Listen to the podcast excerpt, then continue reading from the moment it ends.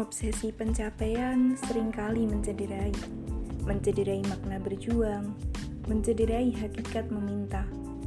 Manusia memberi dedikasi tinggi untuk mimpi yang mati-matian ingin dicapai, meminta pada Tuhannya untuk mengabulkan cita-citanya demi sebuah tepukan apresiasi manusia bumi. Tujuannya duniawi, padahal ia meminta pada pemilik mimpi.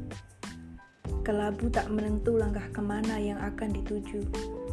Yang ia jalani hanyalah sebuah obsesi pencapaian tingginya mimpi. Bukan mimpi-mimpi yang didedikasikan untuk Tuhannya dan jalan agamanya. Nanti tak lain ia hanya akan menemu hampa pada muara. Dalam sujud ia selalu melangitkan doa.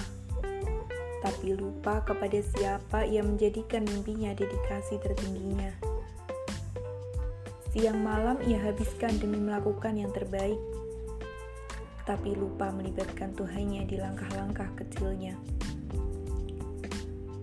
Pada setiap pencapaian kecil menuju mimpi tertingginya, ia lupa mengucap syukur pada Tuhannya. Padahal tanpanya mimpinya hanyalah kelabu belaka. Untuk semua yang tengah berjuang, jalan kita boleh beda tapi tujuan tetap harus seirama. Di tengah perjalanan, kita akan menemukan banyak persimpangan. Prinsip akan saling diadu, meski kita sama-sama tak tahu menahu. Suatu saat kita akan saling merasa jalan kita yang paling benar, saling memamerkan pencapaian diri sendiri, dan tak disadari telah saling menjatuhkan. Kita seakan ada pada tujuan yang berbeda tak seirama dan tak mampu diselaraskan. Kita telah saling lupa dan egois.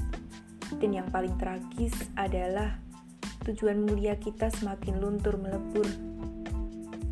Kita sekaligus telah kehilangan jalan kita.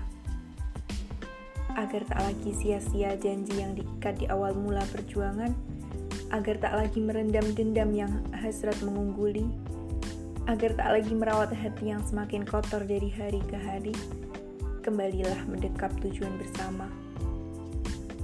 Selamat berjuang para pejuang.